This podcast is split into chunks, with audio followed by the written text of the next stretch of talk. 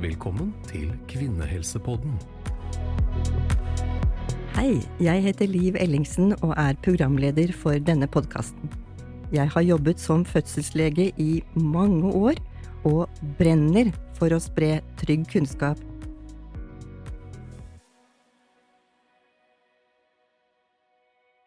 Hvert år får rundt 3000 norske kvinner fjernet litt av livmorhalsen av celleforandringer for å unngå at det utvikler seg til kreft. Hvordan oppdager man celleforandringer? Hvilken betydning har HPV-vaksinen, og hvem skal ta den? Hva er kronisering? Får det noe betydning for kvinners helse senere? For å lære oss mer om dette har vi med overlege Vibeke Saltnes Salvesen ved Oslo universitetssykehus, og Helene Dahl Karlsen, kjent fra Instagram og podkasten Hjelp, jeg er sykepleier. Velkommen til dere begge. Takk, takk. Vibeke, du jobber ved gynekologisk avdeling på Ullevål, og du har arbeidet spesielt med celleforandringer og konisering de siste fem årene. Helene fikk påvist celleforandringer og ble konisert. Hun savnet mer informasjon om temaet og har fått mange tilbakemeldinger fra andre om akkurat det samme. Helene, du deler din historie med oss snart, men først skal vi snakke med Vibeke og lære enda mer om celleforandringer og konisering. Så først, Vibeke, kan du fortelle litt om livmorhalsprogrammet? Hvorfor finnes det? Ja, livmorhalsprogrammet er jo et masseundersøkelsesprogram som er designet for å oppdage celleforandringer, som jo er forstadiet til eventuelt livmorhalskreft. Så det er jo for å få ned forekomsten av livmorhalskreft i befolkningen. Og dette er screeningprogram, så det, det Ja, dette gjelder alle kvinner mellom 25 og 69 år som eh, har eh, Som kanskje ikke har symptomer, eh, men som bare skal følge det vanlige programmet. Så i tillegg så er det det at man skal ta celleprøver også av de som har symptomer, eller har vært behandlet for celleforandringer før. Så det er jo litt forskjell på det med celleprøver, altså det med screeningprogrammet, og det med oppfølging etter tidligere behandling, da. Men screeningprogrammet, det får man innkalling til, så det er på en måte ikke noe man trenger å tenke på. Ja. Så er man mellom 25 og 69, så trenger man egentlig ikke å tenke på det. Du får en innkalling om at du skal ta en celleprøve. Ja. Det må du gjøre noe med. Ja, så da må du ta prøven, og hvis ikke så får du en purring. Vi har hørt om celleprøve og hørt om HPV-test. Kan du forklare oss litt om hva forskjellene er? Ja, vi kaller det jo celleprøve, og det har vært litt forskjellig i, i Norge med implementering av om vi skal ta HPV som test, eller vanlig celleprøve hvor man ser på cellene. En celleprøve er jo en prøve fra livmorhalsen, altså en slags børste som skraper litt på livmorhalsen. Før i tiden så var det kanskje litt lettere å forholde seg til, da var det normale celler eller unormale celler. Og da var det bare noe man så på, noe noen så på i mikroskop? Ja, og så på etter celleforandringer. Men nå er det jo også da at vi tester på HPV, for vi vet jo at det er HPV som gir celleforandringer. Så hvis man ikke har HPV, så får man ikke celleforandringer. Og HPV, det er et virus? Ja, humant papillomavirus, som de fleste er, har på et eller annet tidspunkt i livet, kanskje 80% men som man kvitter seg med, stort sett. Og så er det ikke alle som klarer å kvitte seg med det og da blir det stående, og så kan man få celleforandringer. Så kan det i verste fall utvikle seg videre, eller det kan også gå over fordi man kvitter seg med den infeksjonen, og da går forandringene helt tilbake. Ja, 80% er jo veldig mye. Ja, så det høres jo ofte litt skremmende ut når man får den beskjeden da, om at å, nå har jeg fått HPV, men det er veldig vanlig, da, og går som regel over igjen. Men da skal man følge opp fordi man har en risiko for å få celleforandringer, som i verste fall kan utvikle seg videre. Ja. Så da det jo, har det vært eh, litt forskjellig på når man innførte å bare teste HPV først. Eh, det har vært litt forskjellig rundt omkring i landet, men fra 1. juli så er det også sånn eh, for alle, da, at man har HPV som test først. Man tar en celleprøve på vanlig måte hos gynekolog eller hos fastlege. Så, så, du som pasient vil ikke merke noe forskjell på om du tar en HPV-test eller en celleprøve? Nei, ikke sånn som det er nå. Eh, og så, hvis den HPV-testen da er positiv, så vil man se på cellene også. Hvis den er negativ, så tenker vi at det er trygt å vente. Ja, du trenger ikke ta noen ny test for, tatt, for at de ser på den celleprøven. Nei, da ser de på den celleprøven, og hvis det er en normal celleprøve, så spørs det litt hva slags HPV-virus man har, og eh, om man har tatt en test tidligere, men da er det oftest at vi kontrollerer det igjen med en ny celleprøve. Hvis man finner eh, celleforandringer, så må man ofte til gynekolog, da, for å se på livmorhalsen i mikroskop, eh, og for eventuelt å ta noen flere prøver, da. Og så sa vi at det var mellom 25 eh, og 69 år. Hvis du er under 25, og noen ønsker å ta celleprøve, det er noen som er blitt litt engstelige av mye informasjon i media i det siste året, mm. hva tenker du om det? Nei, hvis man har symptomer, så skal man ta en celleprøve. Og så er det jo litt eh, De fleste som har celleforandring, får jo ikke symptomer. Eh, symptomer kan være blødning etter samleie, eller mellomblødninger, eller andre ting fra underlivet. Eh, da bør man ta prøve. Eh, hvis man ikke har noen plager, så tenker vi at det er trygt å vente til man er 25 år, fordi det tar lang tid før celleforandringer utvikler seg. Ja. Og veldig mange kvitter seg jo med HPV-viruset underveis, og da går celleforandringene tilbake. Så hvis man ikke har plager, så kan man trygt følge programmet. Men omvendt, hvis man er engstelig og har plager, så kan man be om celleprøve også under 25 år. Ja, det anbefaler vi. Mm. Ja. Det kommer altså noen nye regler fra 1. juli. Trenger kvinner sånn generelt å bekymre seg så mye for det, eller tenke så mye på det? Nei, jeg tenker at det er det vi som eh, tar prøvene og som følger opp, som tenker mest på. Eh, om man skal ha HPV eller vanlig celleprøve. Eh, så har det jo vært litt aldersforskjell nå frem til nå. Man har testet eh, de under 30 for eh, bare celleprøve, ikke HPV, i hvert fall her i området.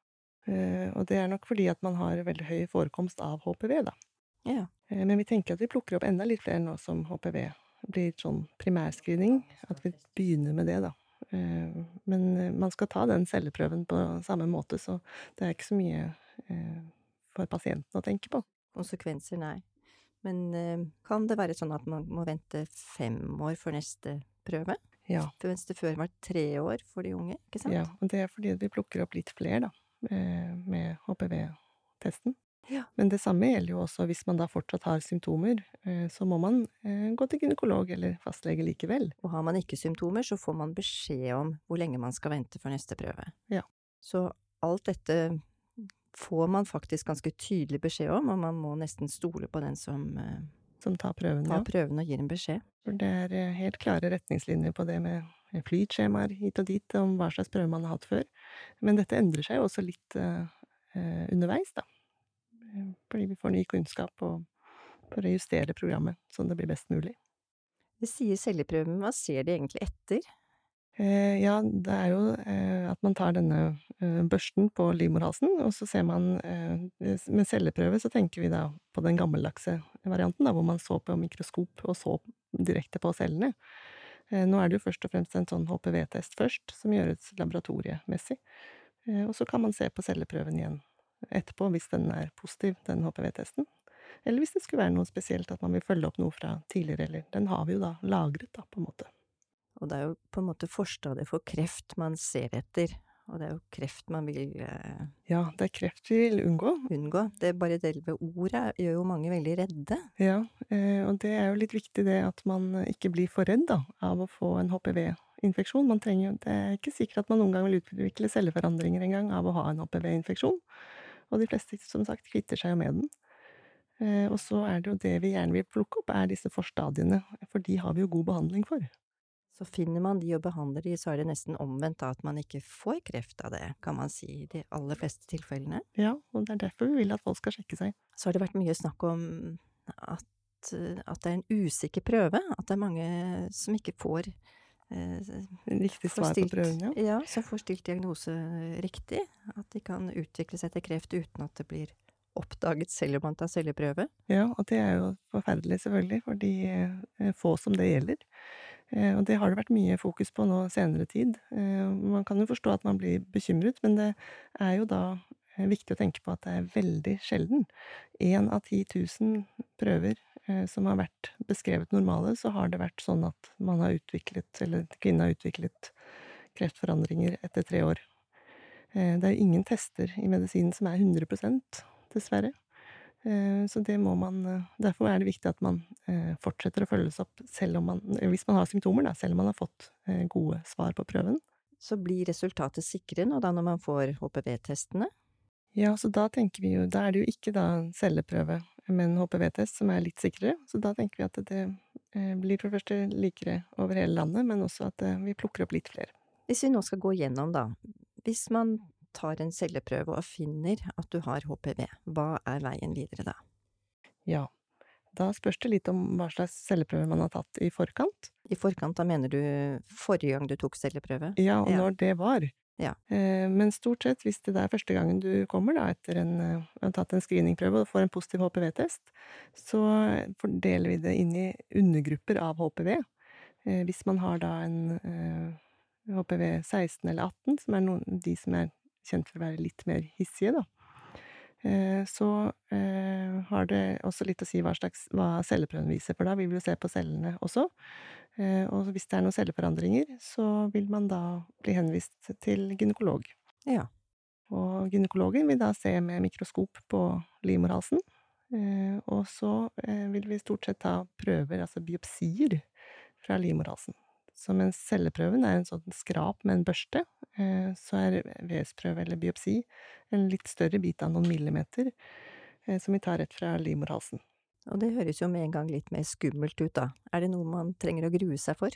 Nei, jeg syns jo ikke det. Eh, Det er jo alltid sånn man gruer seg litt når det er noe man ikke har vært med på før. Eh, Og så er det noen som ikke merker det i det hele tatt, som ikke syns det er vondt, og så er det noen som syns det er veldig vondt. Eh, Så vi tilbyr bedøvelse. Så det er også for noen litt ubehagelig, men det går veldig fort. Så det blir litt som å være hos tannlegen. Og hvordan får man svar på den sånn eh, biopsiprøve, da? Ja, det varierer litt. Eh, Hos oss så sender vi faktisk sånn gammeldags brev i posten. Eh, Jeg vet at det er noen som har andre muligheter med SMS-er og eh, digitalt, men eh, man skal få svar, i hvert fall. Og samtidig så må man også få vite når man eventuelt skal til kontroll neste gang. For dette gjøres litt på sykehus, og så gjøres det mest ute i eh, Ute hos eh, avtalespesialister eller gynekologer i byen. gynekologer ute. Ja. Men stort sett ikke hos fastleger. Det er en gynekologjobb. Ja, når man skal ta mikroskopi av livmorhalsen eller eh, vevsprøver, så må det gjøres av en gynekolog, ja. Mm. Og hvis disse biopsiene eller vevsprøvene er normale, så Da pleier vi å vente og ta en ny kontroll og se om eh, eh, med en vanlig celleprøve. Eh, Da får man beskjed om det, enten hos fastlegen eller hos gynekologen sin, eh, for å se om HPV-infeksjonen går over av seg selv. Eh, Hvis ikke den gjør det, så må vi følge opp eh, kanskje med nye, ny mikroskopi av livmorhalsen. Eh, Det, hvis det var normale celler, så kan det jo da, hvis du fortsatt har HPV, så kan det jo ha utviklet seg til noen celleforandringer. Hvis det er lette celleforandringer, så pleier vi stort sett å vente et år til og se om det går over av seg selv. Eh, Hvis det er litt mer eh, alvorligere forandringer. Nå vil vi helst ikke bruke det ordet med alvorlig celleforandring, for det høres så skummelt ut. Men celleforandringer som bør behandles, da. Ja. Da gjør vi en sånn kondisering. som vi sa innledningsvis, jo mange 3000 i Norge som får gjort hvert år. Og det tror vi kanskje at det er mange som ikke vet riktig så mye om. Mm. Så hva er en konisering? Si litt mer om det. Ja, en kondisering er å fjerne en liten bit helt nederst på livmorhalsen. Eh, Det gjør vi vanligvis på poliklinikken. Eh, Det blir litt det samme som å ta en sånn vevsprøve. Eh, Vi setter bedøvelse. Eller først så ser vi med det mikroskopet igjen, og ser på denne sonen på livmorhalsen der HPV-virusen bor. Men når du sier poliklinikken, så må du på sykehus. Ja, det er det stort sett på sykehus. Jeg tror det er noen gynekologer som gjør det ute også, men det er stort sett eh, sykehusene som gjør det. Eh, Og så setter vi bedøvelse. Det er jo det som er litt ubehagelig. Men når den virker, så skal det jo ikke være vondt. Men det er ubehagelig å ligge der. Men det går veldig fort. Ti minutters tid, så er det gjort, stort sett, da. Du sier lokalbedøvelse. Kan man også få annen type eh, bedøvelse, sånn som narkose? Det går an å gjøre det i narkose. Før i tiden så gjorde man nok mer det. Eh, Så har vi funnet ut at det går veldig greit å gjøre det eh, mens man er våken. eh, Hvis man har god bedøvelse. Og så er det jo risiko forbundet med narkose, og det må innleggelse på sykehus og fasting og, og det som er, så det er fint å slippe. Men av og til så må vi det. Kanskje hvis man har en livmoral som ligger litt annerledes til, eller at det er noe vanskelig. Så skal man ikke være for redd for det heller. Du sa en liten bit. Hvor, hvor stor bit? eh, Kan du si noe om centimeter eller millimeter? Eh, Nå er det veldig stor forskjell på hvor stor livmorhals man har. Man er ganske forskjellig der nede også. Eh, Men vi tenker mest på høyden, vi, da. At vi ikke vil ta for mye av høyden oppover i millimeter. For jo høyere man går oppover, jo større risiko er det jo for å føde for tidlig senere og dette her, som vi skal snakke litt om etterpå. Eh, så derfor eh, eh, vil vi gjerne gå under en centimeter, eller ca. en centimeter, litt avhengig av som sagt hvordan denne sonen nederst på livmorhalsen ser ut. Men det blir jo litt teknisk, men ja, ca. en centimeter, kanskje. Er det noen risiko for komplikasjoner? Er det noe som kan skje? Er det noen grunn til å være engstelig? Nei, jeg syns ikke man er noen grunn til å være engstelig, men det er jo litt rart med alt man ikke har vært med på før. Med komplikasjoner så gjelder det jo det samme som for alle operasjoner. Blødning og infeksjon og sånt kan skje. Det er veldig sjelden med infeksjon. Eh, men det går jo mye blod til livmorhalsen, så man kan blø litt, særlig der og da. Eh, men eh, vi bruker litt strøm for å minimere blødningen. Og så er det da etterpå, med tanke på komplikasjoner, så er det jo beskrevet at man kan få litt trang livmorhalskanal, eksempel. Det er også sjelden, men det blir jo litt arr der. Det kommer vi ikke unna. Men stort sett så er det ingen som merker noe til kondiseringen etter at det har gått noen uker. Og videre da, kan det få noen betydning for livskvaliteten til kvinnen etterpå? Merker du på noen måte at du har vært kondisert? Nei, de fleste merker ingenting når eh, det såret har grodd. Eh, det er jo dette her med eh, risiko for for tidlig fødsel og sånn senere ved svangerskap, da. Det er det vi har mest fokus på. Så blir det igjen en venteperiode, da? Ja, når man har fjernet den lille biten. Ja, for da må den analyseres. Ja, så da sender vi inn den til de som ser på det i mikroskop, patologen, så ser de Da er det jo en mye større bit, det er lettere å uttale seg eh, ordentlig. Men da er det jo eh, at man oftest finner de celleforandringene som vi visste om på forhånd. Og så er spørsmålet om de kan se friske celler da i kanten. Hvis de kan det, så kan vi jo si sikkert ja, her er alt borte. Og det er det alle håper på, det er det de fleste får beskjed om. De fleste får beskjed om det. Ja. Frie renner kaller man det ofte, ikke sant? Ja, sin tre med frie renner, det er bra. Eh, men så er det sånn at vi vil jo gjerne fjerne så lite som mulig, med tanke på alt dette andre. Eh, så det hender jo at vi ikke får eh, friske celler i kanten. Men så bruker vi strøm mens vi gjør dette her, så vi ødelegger litt mer enn det de ser i mikroskopet. Og det viktigste er jo faktisk hva som er tatt, eller hva som er igjen i pasienten, ikke hva som de kan se er tatt ut. Så ofte er det borte likevel, da. Men da er vi litt ekstra på vakt, med tanke på at vi må se igjen etterpå om vi har fått med alt. Så da blir det litt ekstra Ja, så da anbefaler vi at man kontrolleres hos gynekolog, og ikke bare hos fastlege, da. For da kan gynekologen se med det mikroskopet igjen. Om det er noe, Om de kan se noen rester, da. Ja. Kan man i det hele tatt få livmorhalskreft etter å være konisert, eller er det en slags garanti? Nei, det er ikke noen garanti, eh, så det kan man helt eh, klart få. Eh, og det kan jo være da at man enten ikke har fjernet alt, det er jo mer sjelden, eller så kan man jo få en ny HPV-infeksjon, da. Eh, eller den andre kan bli stående også etter kondisering. Så det er viktig å følges opp. Man skal følges opp litt ekstra etter kondisering. Og det får man igjen beskjed om, for dette er et program som, ja. som man får beskjed om når neste undersøkelse er. Ja, man skal ha beskjed om det, eh, og det er helt klare retningslinjer på det. Men de var jo oppdatert nå i høst senest, da. Så det endrer seg jo litt med tiden, men uh, man skal ha beskjed om det, ja. Så har du vært litt inne på det, for mange lurer på dette med å være gravid å være gravid etter kondisering. Man tenker seg jo at det er gjort noe med livmorhalsen, som jo er viktig i forbindelse med fødsel. Ehm, kan man i det hele tatt bli gravid etter kondisering? Ja, absolutt. Eh, og det er jo det som er målet vårt med å eh, ta så lite som mulig. At vi tenker at eh, det er mindre risiko for for tidlig fødsel. Det er jo det vi er redde for. Så er det jo noen tilfeller hvor man kan se litt arrvev i livmorhalsen, eh, som vi snakket om tidligere, det er veldig sjelden. Da kan det jo bli vanskeligere å bli gravid. Men for de aller fleste så er det ikke noe eh, annerledes å bli gravid. Man må kanskje vente litt etter selve operasjonen? Ja, der er vi nok litt uenige. Der tror jeg mange gynekologer sier litt forskjellig, og det er sikkert litt forvirrende eh, for pasienter. Eh, vi vet jo Det gror jo veldig fort, denne kondiseringen, i løpet av ja, tre ukers tid. Eh, så jeg pleier ikke å si at man skal vente så lenge, jeg pleier å si at man må vente på det svaret, eh, at man vet hva man har eh, fjernet, og hvordan man skal følges opp videre. Men jeg vet at det er noen som får beskjed om å vente tre måneder eller seks måneder eller, eller sånn. Det viktigste er jo at hvis man blir gravid, så skal man fortsatt ta celleprøver og følge det som man har fått beskjed om. Det er ikke farlig å ta celleprøve når man er gravid. Det er ikke noe problem. Nei. Og vevsprøve, kan man også ta det når man er gravid? Ja da, det kan man, men det er litt mer risiko for at det kan blø litt. Eh, men det vet vi om, og det må man planlegge deretter, da.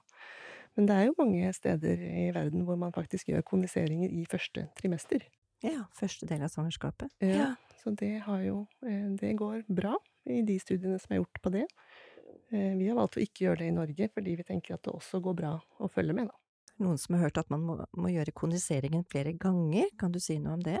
Ja, de fleste slipper med en gang. Eh, så er det jo da, hvis man har født alle de barna man skal ha, eh, så er vi litt eh, rausere med å, å ta en gang til hvis vi er i tvil. Men hvis man skal ha flere barn, så slipper de fleste med en gang. Men av og til så finner vi celleforandringen, og da må vi gjøre det på nytt. Og det er heller ikke noe farlig om man må ta Nei. Nå er det jo sånn at for hver millimeter vi tar oppover av livmorhalskanalen, jo større er risikoen for å føde for tidlig. Ja. Så tar vi jo ganske lite nå. Før i tiden tok man mye av livmorhalsen. Da var det høy risiko, men da var det mer sannsynlig at man fikk bort alt, da. ja. Nå tar vi jo stort sett av den centimeteren. Så hender det jo at vi må ta kanskje en centimeter til. Da øker risikoen for å føde for tidlig, men risikoen er jo også litt økt av å ha celleforandringer. Og det aller viktigste er jo å ikke få kreftforandringer, for da blir det i hvert fall Da må man i hvert fall ta mye. Og nå høres det jo ut som det er en veldig stor fare å føde for tidlig, men å føde for tidlig er jo i seg selv en veldig sjelden ting i Norge. Ja, heldigvis. Så er det jo Så én kondisering er jo veldig lite økt risiko. Eh, og med tanke på den bakgrunnsrisikoen fra før av, så er det eh, ikke noe som jeg syns man skal bekymre seg for mye over. Men vi tenker på det og prøver å utsette den første kondiseringen av den grunn, da. Men ikke for enhver pris. Og skal man følges opp noe spesielt når man er gravid og har hatt en kondisering en gang i livet på forhånd? Eh, nei, så lenge man har fulgt det opplegget man skal etter kondisering, altså tatt celleprøvene på samme måte, eh, at så tar man de selv om man er gravid, men ellers er det ikke noen grunn til å følges opp. Og det er jo nettopp fordi at, at det er veldig uvanlig å føde for tidlig. Ja. Ja, nå har vi hørt mye om teori og livmorhalsprogrammet, men nå vil vi over til det praktiske. Og da har vi deg her, Helene. Når tok du din første celleprøve? Jeg sitter og tenker, når var egentlig det? Eh, jeg tror jeg tok den før jeg ble 25, fordi jeg tok den før jeg fikk en innkalling. Ja. Det var vel fordi jeg tenkte litt ja, jeg startet jo litt tidlig, og jeg var jo sykepleierstudent den gangen, og man leser om alle sykdommer man kan få, og blir jo litt redd for å få diverse sykdommer, men Måtte du krangle litt for å få det? Kan du huske Nei, det? jeg måtte ikke krangle. Jeg hadde veldig grei lege gjennom eh, SIO, Ja. eh, Studentsamskipnaden i Oslo. Så fikk tatt test. Jeg var vel kanskje sånn ja, 23, kanskje, da jeg tok den. Men eh, den var normal, og så gikk det tre nye år, og jeg tok en ny en, og den var fin. For da kom du inn i livmorhalsprogrammet, kanskje? Ja, eller jeg fikk jo aldri noen sånne nye beskjeder at nå må du ta en ny prøve. Det var noe jeg fulgte med på selv. Tar jo veldig ansvar for egen helse, jeg har alltid gjort det. Jeg har i hvert fall prøvd så godt jeg kan. Og da hadde du allerede tatt, så da var du kanskje inne i Ja. systemet, da. Mm. Det var jeg nok da. Eh, Men den nye prøven også var helt normal. Men etter det så begynte jeg å få noen kløe i underlivet. Det klødde og det klødde, og jeg skjønte ikke hva det var. Og jeg testet meg jo for eh, kjønnssykdommer og alt som var. Var ikke noe å finne der. Brukte mange sånne soppkurer. Men den kløen kom tilbake også når jeg ikke hadde sopp. Altså når testen var negativ for det. Jeg tenkte jøss, hva er dette, er det, kan det være prevensjonsmidlene jeg bruker? For jeg hadde også litt sånn uregelmessige blødninger, men da jeg sluttet på hormonprevensjon, så hadde jeg jo helt normal syklus, ikke noe mellomblødninger. Så sa fastlegen min at kanskje vi skal ta en ny celleprøve, da. Så ja, men det er jo bare to år siden sist, er det nødvendig? Ja, men vi gjør det for å være på den sikre siden. Eh, Så gikk det vel en uke eller to, så tikket det inn en SMS på kvelden. Du har fått en ny pasientpost, eller hva det heter, helserespons, det er en eller annen sånn app jeg bruker hos fastlegen. Så logget jeg inn, og så hei, det har kommet svar på celleprøven din, og du har grove celleforandringer, sin grad 3. Eh, Jeg henviser deg til biopsi og kolposkopi.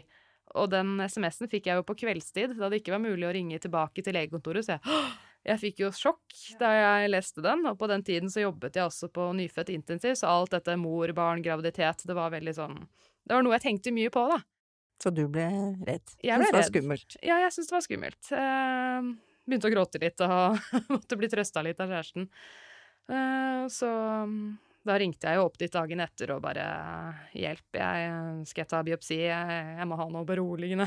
Jeg, jeg blei ganske redd, så jeg fikk eh, utskrevet det, da, så jeg kunne ta før biopsien. For jeg er ikke så redd for å gå til lege, men akkurat sånn underlivsgreier, det syns jeg er litt eh, ekkelt av personlige årsaker. Det er det nok mange som syns, og jeg tror det er mange som er i den samme situasjonen som deg. Ja. Det er det nok. Men Men biopsiene, hvor fikk du tatt de? Var det, Det var hos en sånn avtalespesialist, en gynekolog jeg har gått til eh, før. Så jeg ba om å få bli henvist til henne, fordi hun er jeg trygg på, syns hun er profesjonell og beroligende å gå til. Og det var jo ikke noe problem å bli henvist dit, og jeg fikk jo litt beroligende. Hun skjønte jo at jeg ikke skulle misbruke det. Eh, så da var jeg jo rolig og avslappa når, når jeg kom dit. Eh, og så spurte hun om jeg kunne få lokalbedøvelse, og det kunne jeg. Og så ble jeg tipsa om å hoste akkurat idet hun stikker, og da kjente jeg jo ikke det stikket omtrent i det hele tatt. Det gjorde i hvert fall ikke vondt. det var et godt tips. Ja, faktisk, for da, da spenner det seg litt til, og så Ja, det gjorde i hvert fall ikke vondt å få den eh, bedøvelsessprøyta for meg. Så kjente jeg jo når hun pirka borti, jeg kjente at noe mm, skjedde, for den tar jo ikke vekk berøringssansen, den tar bare vekk smertesansen, så det var veldig rart. Jeg kjente at det liksom ble gravd inni meg, men det gjorde ikke vondt. Så jeg prøvde å se, når jeg plutselig ser jeg det glasset, så ligger det masse kjøttbiter oppi der. Jeg bare, å gud, da var jeg der. Nå ble det litt grafisk her, men eh, så fikk jeg en sånn gigantisk tampong stappa oppi meg for at det ikke skulle blø. da. Det så ut som en, nesten en liten tennisball med en snor på. Eh, Den fikk jeg, og så Og den gjorde jobben, så det ble ikke noe blødning. Nei, det ble ikke Nei. noen store blødninger der. Det var jo litt sånn pes å få den ut igjen, men, men det gikk. Eh, Så tok jeg en egenmelding den dagen for å ja, bare slappe av litt. Ja. Det er ikke noe særlig å dra på jobb når man er full av beroligende. Eh, Og så skjedde jo det samme da, to uker etterpå. For da måtte du vente på resultatet av Ja, de og igjen så kom jo den SMS-en på kveldstid. Og jeg logger inn. Hei, eh, du har eh, sin grad 3. Jeg har henvist deg til operasjon. Igjen på kvelden, og jeg igjen blir lei meg og gråter. Og, men jeg husker at på, i forkant så sa jeg at hvis jeg vil opereres, så vil jeg gjerne ha det i narkose. Fordi jeg er veldig redd for sånne ting. Og du hadde hørt om konisering, du visste litt om det? Du Ja, jeg har faktisk sett på det. For Ja. jeg var faktisk i praksis på gynekologisk kreftpoliklinikk da jeg var student. Det Ja, var for du er sykepleier. Ja. Nå er jeg ferdig utdanna. Men den gangen så var jeg jo i praksis på, ja, på radiumet da, og så jo på sånne koniseringer i lett narkose. Eh, jeg syns det lukta så spesielt. Det er den derre diatermilukta, tror jeg de kaller det. Det lille apparatet med sånn strøm.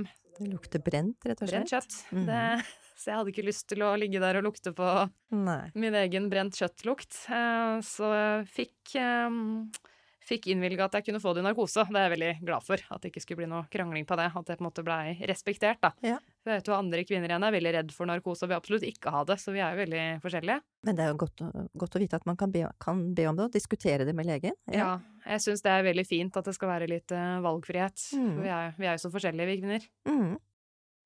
Og så tok det ikke så mange ukene, så fikk jeg innkalling til operasjon. Så det jeg reagerte på da, det var på en måte ikke noe informasjon i forkant. Jeg fikk et Nei. brev hvor det sto du må møte opp klokka da, og du må, du må faste. Du må være fastende. Det var noe sånt det sto. Ikke noe mer enn det. Det var egentlig. den koniseringen som du snakket om. Ja. Mhm. Kan du si noe om det, Vibeke? Er det for Ja, lite nei, det er jeg jo enig i at det var litt lite informasjon, hvis du bare fikk vite at du skulle møte opp et sted og faste. Ja. Eh, vi pleier å sende via Helse-Norge eh, innkalling med en link til eh, informasjon om kondisering, da. Som trodde jeg, i hvert fall. ja, nei, jeg fikk ikke det. Jeg fikk en sånn link hvor jeg måtte svare på masse spørsmål om meg selv, om tidligere sykdommer og medisinbruk, og, men det var jo informasjon som helsepersonell skulle ha, ikke informasjon som jeg skulle ha. Ja, det er til narkoselegen, da, i forbindelse med narkosen. Ja, Mm. og det er jo greit nok det, at de skal ha At du opplysninger. falt i en annen eh, kategori siden du skulle ha narkose, kanskje? Ja. Mm. Ja, men det hadde jo vært fint å fått et brev litt sånn her er det som skjer eh, før, under og etter, og litt sånn typisk vanlig spørsmål at det hadde stått på et ark. Eh, men siden jeg er jo sykepleier og jobber jo i OS selv, så logget jeg bare inn på denne e-håndboka, da. Og leste jeg prosedyren selv. men det er jo ikke alle som har muligheten til det. Nei. Du hadde jo også sett det før, så du visste jo egentlig mer enn det man kan forvente om Mm. inngrepet. Og så er det jo, jeg vet jo at det her på en måte kanskje blir sett på som småplukk i medisinske øyne. Men når man først er pasient, da, så oppleves det veldig alvorlig, og det oppleves veldig stort, og man krisemaksimerer litt, i hvert fall jeg gjorde det. Fikk jo alle disse tankene sånn Å nei, der eh, Da fikk jeg igjen. Litt sånn at man får litt destruktive tanker om seg selv. Da. Sånn ok, nå, det er min egen skyld. Kanskje jeg har ligget med for mange gjennom tidene. Det her eh, kan jeg takke meg selv for. Og det er jo ikke særlig bra å gå rundt og tenke sånn, men jeg har snakket med flere kvinner som tenkte akkurat det samme om seg selv. Det er jo litt derfor vi har denne podkasten, da. For å løfte det opp og snakke om det, fordi det er, dette er kanskje litt underkommunisert. Og når Vibeke sier at 80% har viruset, så er jo det veldig vanlig. Og ingen grunn til å Ikke noe selv. seg skamme seg for, i hvert fall. Eh, og De fleste blir jo kvitt det, men det er bare uflaks for de som ikke blir kvitt det. Så kan man lure litt på sånn, hvorfor klarer noen kropper å bare kvitte seg med viruset selv, og hvorfor eh, får noen celleforandringer? Jeg vet Mm. ikke om man har noe forskning på det? Nei, men man prøver jo å kjøre noen sånne studier rundt omkring i verden. Eh, Men vi har ikke noe Vi vet jo at de som er immunsupprimert, for eksempel, altså tar medisiner eh, fordi man er transplantert eller eh, av andre grunner, at de har større problemer med å kvitte seg med HPV. Eh, Det er mange sånne undergrupper som eh, Men vi vet ikke noe om hvorfor en som ikke har disse sykdommene, eller hvorfor det er noen som kvitter seg med For det jeg har raskere jo ikke noe enn andre. sånt. Nei. Jeg hadde jo også tatt vaksinen. Ja, de fleste har ikke noe sånt, så vi vet ikke nok om det, nei. Det er mye Nei, for det er jo litt igjen. å tenke at når man har tatt vaksinen, så er man tryggere. Men sånn er det kanskje ikke, da. Jo, man er tryggere når man har tatt vaksinen, eh, men eh, hvis man skal være helt trygg, så må man jo ta vaksinen før man har debutert seksuelt, da. Ja, og det gjorde jo ikke jeg. For den vaksinen den eh, blei ikke tilbudt den gangen jeg gikk på barne- og ungdomsskolen. Den kom jo først etterpå, så jeg fikk tilbud om den først da jeg var student. Og da var det jo flere år siden jeg hadde debutert, men jeg takket jo ja til den likevel. Så jeg vet ikke om det da var for seint for meg. Jeg vet ikke hvor lenge jeg har gått rundt med det HPV-viruset før jeg fikk celleforandringen. Jeg hadde jo da det som heter HPV16. Eh, Det er jo den eh, HPV-en som vi er mest eh, opptatt av, eller den, eh, alle de undergruppene av HPV som kan gi selvforandringer, er vi opptatt av, og kan gi selvforandringer, men akkurat HPV-16 er vi spesielt, eh, kan være litt mer hissig, da. Eh, Det er derfor den vaksinen dekker HPV-16 og 18, som er den nummer to-verstingen. Eh, Og det er jo helt umulig å vite hvor lenge man har hatt det, for man har jo ikke testet det. De fleste i hvert fall har ikke testet det. Nei, for de andre testene jeg har tatt, det var vel bare vanlige celleprøver uten HPV. Men denne nyeste testen jeg tok, var det både celle, eh, celleprøve og HPV-test, da. Ja, for da, hadde du, da visste man at du eh, hadde noen forandringer, så da vil man sjekke begge deler. Mm. Nei, de visste ikke det fra før. Nei, du tok den på grunn av at du hadde symptomer, du. Mm, jeg hadde skulle- kløe, Mm, og det er jo ikke sånn typisk symptom jeg har hørt om. Nei, det er jo litt heller. diffust. eh, Ja. Det passer jo ikke nødvendigvis helt, men da har du i hvert fall tatt det av noen symptomer, og da skal man egentlig sjekke både for celleforandringer og HPV, da, den gangen. Men nå blir jo dette et helt nytt system uansett, for alle, da. Hvis vi går litt tilbake til kondiseringen, Ja, bare for å gjøre operasjonen, det var ferdig det. var. Ja. Operasjonen som du gjorde. Um, vi snakket litt om komplikasjoner. Opplevde du noen komplikasjoner? Nei, egentlig ikke. Eller jeg um Jeg blødde litt, det gjorde jeg. Og så visste Sånn jeg ikke helt om det var, eller var det- Ja. Fordi det som var så typisk, både når jeg skulle ta biopsiene og når jeg skulle til operasjon, så hadde jeg menstruasjon. Så jeg tok eh, Så fikk jeg høre at det skulle man helst ikke ha. Så er det jo ikke sånn at man kan velge om man skal ha mensen eller ikke. Men i legemiddelverden så er det jo mye som går an, så det fins jo medisiner man kan ta for å forskyve mensen. Så jeg ba om å få det så ikke min operasjon eller biopsi skulle bli forskjøvet. Jeg ville ikke at noe skulle komme i veien, så da ba jeg om å få noen medisiner for å forskyve mensen, så jeg gjorde jo det begge gangene. Og så vet jeg ikke helt om det var på en måte både en sånn ekstra stor mensen som kom etterpå, eller om det var blødninger fra Men jeg følte det var mye, så når jeg var på jobb Jeg jobbet jo på Ullevål den tiden òg. Så følte jeg meg så svimmel og uvel, og jeg visste ikke helt hva det var. Så ringte jeg til det føde-gyn-mottaket, da, og de ville jeg skulle komme inn. Så da kom jeg jo inn der med uniformen på, da. Han måtte sitte på venterommet, så de stakkars pasientene trodde jeg jobba der og liksom hjelp. Jeg bare nei, ikke, ikke spør meg om hjelp. Jeg måtte sitte og vente på sånn eget rom. Og da ble du undersøkt. Ja, de tok blodprøver av meg, og det var jo ikke noe lav hemoglobin, jeg hadde jo skyhøyt blodtrykk. da. De var redd for at jeg hadde for lavt blodtrykk, men det var jo skyhøyt. Og så gjorde de en sånn gyn-undersøkelse på meg og pensla på noe greier oppe ved, ved såret, da. Så blei det bedre etter det. Men det var nok en litt sånn eh, psykosomatisk reaksjon jeg hadde da. For akkurat blødning er det jo lett å overvurdere litt. At eh, Ja. man syns det er mye, men i praksis så er det ikke så mye man Nei, det var mest den svimmelheten som plagde meg. Og da er det jo lett å tenke ok, du er svimmel fordi du har blødd mye og du har lavt blodtrykk, men mitt blodtrykk var jo da skyhøyt, så da måtte jeg henvise til 24 timers blodtrykksmåling. Uff, jeg høres jo sikkert ut som en litt sånn eh, hysterisk dame, men Da ble du i hvert fall sjekket. det ble sjekket, så jeg er, jo, jeg er jo glad for det, da.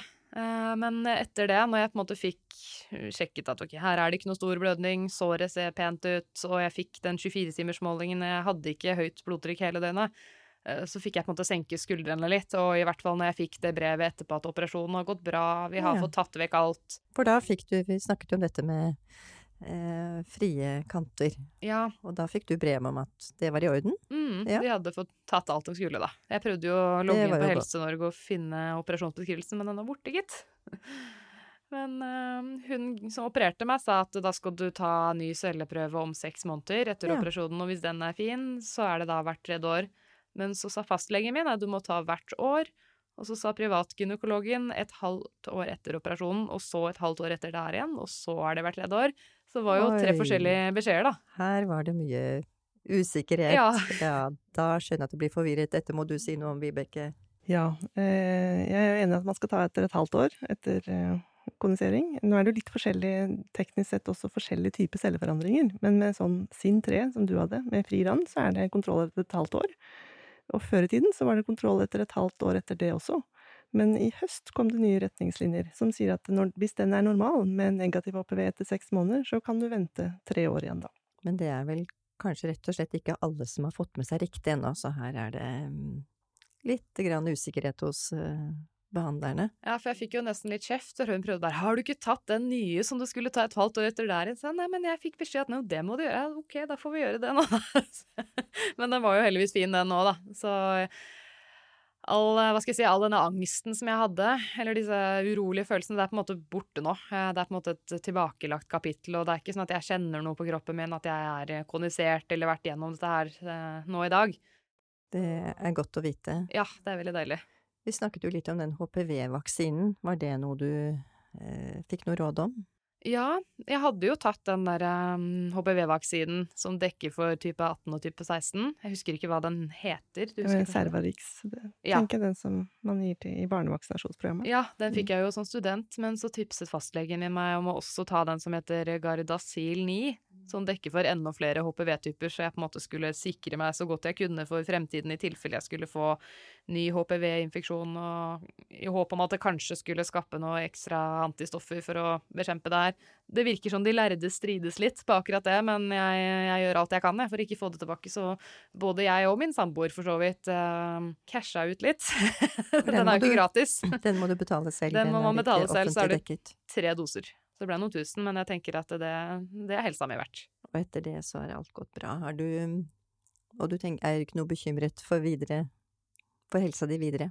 Egentlig ikke. Nei. Nå stoler jeg på en måte på at eh, operasjonen har gått bra, og at kanskje det holder seg i sjakk nå. Jeg er jo litt spent eh, på fremtiden eh, hvis jeg skulle bli gravid. Jeg lurer jo da på kommer mitt svangerskap til å gå normalt, eller kommer jeg til å føde prematurt? Eh, Det er jo noe jeg tenker mye på, og i hvert fall siden jeg har jo jobbet med premature babyer selv på nyfødtintensiven, og jeg så jo at flere av mødrene der var kondiserte. Jeg vet ikke om det var derfor de var født premature, men man gjør seg jo noen tanker. Nå er det jo veldig mange som er kondisert generelt, da. Eh, Men det er jo en litt økt risiko. Eh, Nå tar vi jo vanligvis veldig lite. Eh, Hvis risikoen til å føde noe for tidlig er sånn 5-6 prosent, kanskje, for hele populasjonen, så øker man den kanskje med ett prosentpoeng, eller i verste fall, da. Så sånn stort Det er ikke veldig høy risiko, men man skal jo tenke på det. Hvis man må gjøre det igjen, så blir det enda en høyere risiko. Men jeg syns ikke du skal gå rundt og tenke på det. Nå har du fortalt historien din, Helene, um, og du har hørt alt det Vibeke har eh, fortalt oss. Har du noen spørsmål til Vibeke? Um, det her er litt spørsmål fra uh, andre kvinner jeg har snakket med. Og det mange lurer på, er om man kan få HPV, og der igjen eh, celleforandringer andre steder på kroppen. Uh, som for eksempel i endetarmen eller i svelget. Ja, det kan man. Eh, og det er jo heller sjelden at man får noe sykdom ut fra det, men man kan det.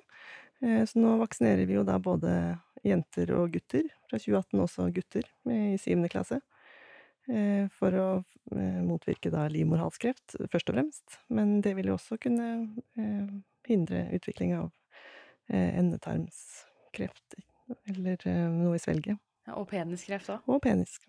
Mm. Så det er jo en grei oppfordring kanskje da, for å ta vaksinen uansett hva slags kjønn man er. Absolutt, men nå er dette veldig sjeldne sykdommer, da. Eh, Det må man jo huske på. Så er det noen som lurer på hvorfor kan man ikke heller ta en blodprøve for å sjekke om man har HPV? Ja, nei, der har vi ikke noe blodprøve som eh, tar det. Vi må ta det fra der de bor, da, på livmorhalsen. Mm. Ja, det er der det er lettest å, å finne det, kanskje. Ja. Ja. Og det er der de ofte skaper forandringer også. ja, det er der, det, der man får problemene stort sett, som sett på befolkningsmessig Mm. statistikk, da. til dere begge. Har dere noe siste ord på hjertet? Noe dere vil si som denne podkasten kan bidra til for andre kvinner? Jeg tenker jo at eh, det er viktig at eh, man sjekker seg. At man følger screeningprogrammet sånn som det er lagd, og at man eh, tar kontakt hvis man har symptomer utenom det. Og så er det da ikke helt uvanlig da, at vi finner noe HPV eller noen celleforandringer, men da skal man bare tenke at her har vi god behandling, og det er for å unngå å få livmorhalskreft. For å unngå kreft, og Ja, og det klarer vi jo i de aller, aller fleste tilfellene.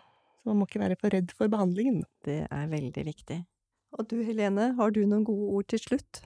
Det er vel det at hvis man er veldig nervøs, da, enten om det er for celleprøven eller om det er for operasjon, så kan man snakke med legen om det og få det tilrettelagt, da. Om det er eh, at det skal være så få som mulig i rommet som ved operasjonen, så kan man si fra at jeg vil ikke ha noen studenter her, det er lov til å si fra om sånt. Eh, og man kan jo få det tilrettelagt at man f.eks. kan få narkose hvis man trenger det, eller noe beroligende i forkant. At det er lov å si fra hvis man er nervøs, da. Det er helsepersonell vant med. Så skal man bli tatt godt i vare på. Det er eh, Du er ikke aleine, da, i å være nervøs eller lure på ting. Det er mange andre kvinner som har vært gjennom det samme, så vi oppfordrer kvinner til å kanskje alliere seg litt, da. Snakke sammen. Høre på Kvinnehelsebåten. Litt mer oppmerksomhet rundt dette lille, men viktige inngrepet. Da står det igjen å si tusen takk til dere for at dere kom hit og var med på denne podkasten. Trenger du mer informasjon, så kontakt fastlegen din, eller gå til nettsidene til Livmorhalsprogrammet. Der ligger det mye god informasjon og mange spørsmål og svar. Og har du kommentarer, ris eller ros, så bruk Instagram-kontoen til Kvinnehelsepodden, og del den gjerne hvis det er noen du tenker trenger denne episoden. Takk for i dag. Takk. Takk.